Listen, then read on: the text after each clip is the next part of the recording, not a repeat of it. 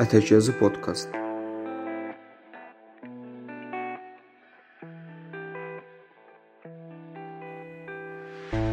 Zəngəzur koridoru bəhanədir. Səid Mətinpurun Ətəkyazı üçün yazdığı məqalənin ünvanıdır.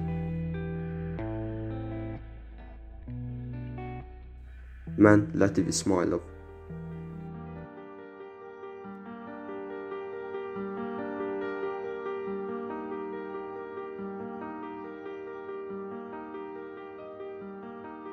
Tehranda Donyaya İqtisad və Sazəndəqi kimi qəzetlərin Zəngəzur koridoru haqqında tələsik və səbirsiz çıxışlarının Azərbaycan Respublikası və onun Ermənistanla olan əlaqələrinə dəxli yoxdur.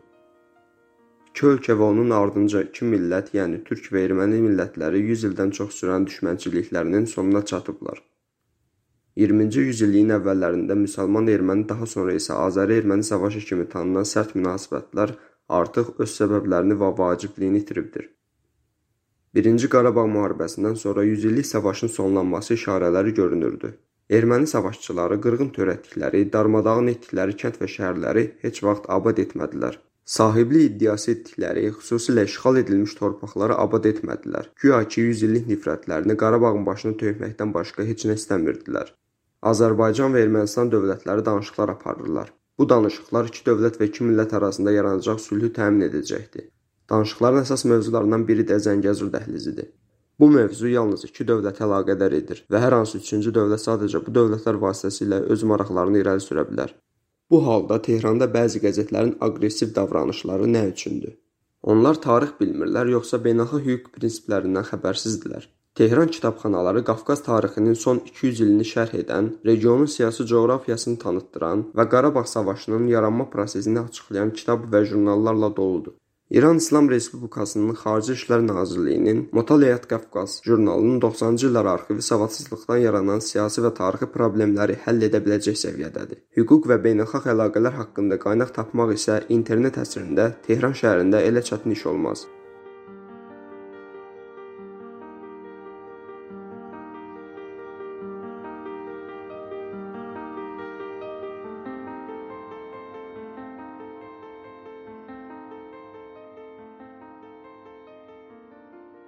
Bəs problem hardadır? Problem Arazın şimalı deyil, cənubudur.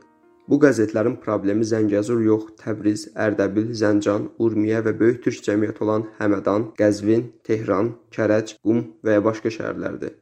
Neçə il qabaq ölkənin dini mərkəzi kimi tanınan Qum şəhərində bir türk şəxsin millət vəkili seçildiyi İranda şəhərlərinin nümayəndəsi parlament rəisi olan türklər öz soydaşlarını vəkil kimi seçmək istəyirlər. Bu qəzetləri qorxuya salan farsçılıq və irançılıq qarşısında olan cəmiyyət və onların artmaqda olan həssaslıqlarıdır. Elə ona görə də bu qəzetlər fərzi düşmənə həmlə etməklə məşğul olurlar. Gülünc vəziyyətdir. Azad bazar fars soyğunçuluğunun nəhai nöqtəsində yer alıb və ölkənin türk qonşularına qarşı kin və nifrət püskürür.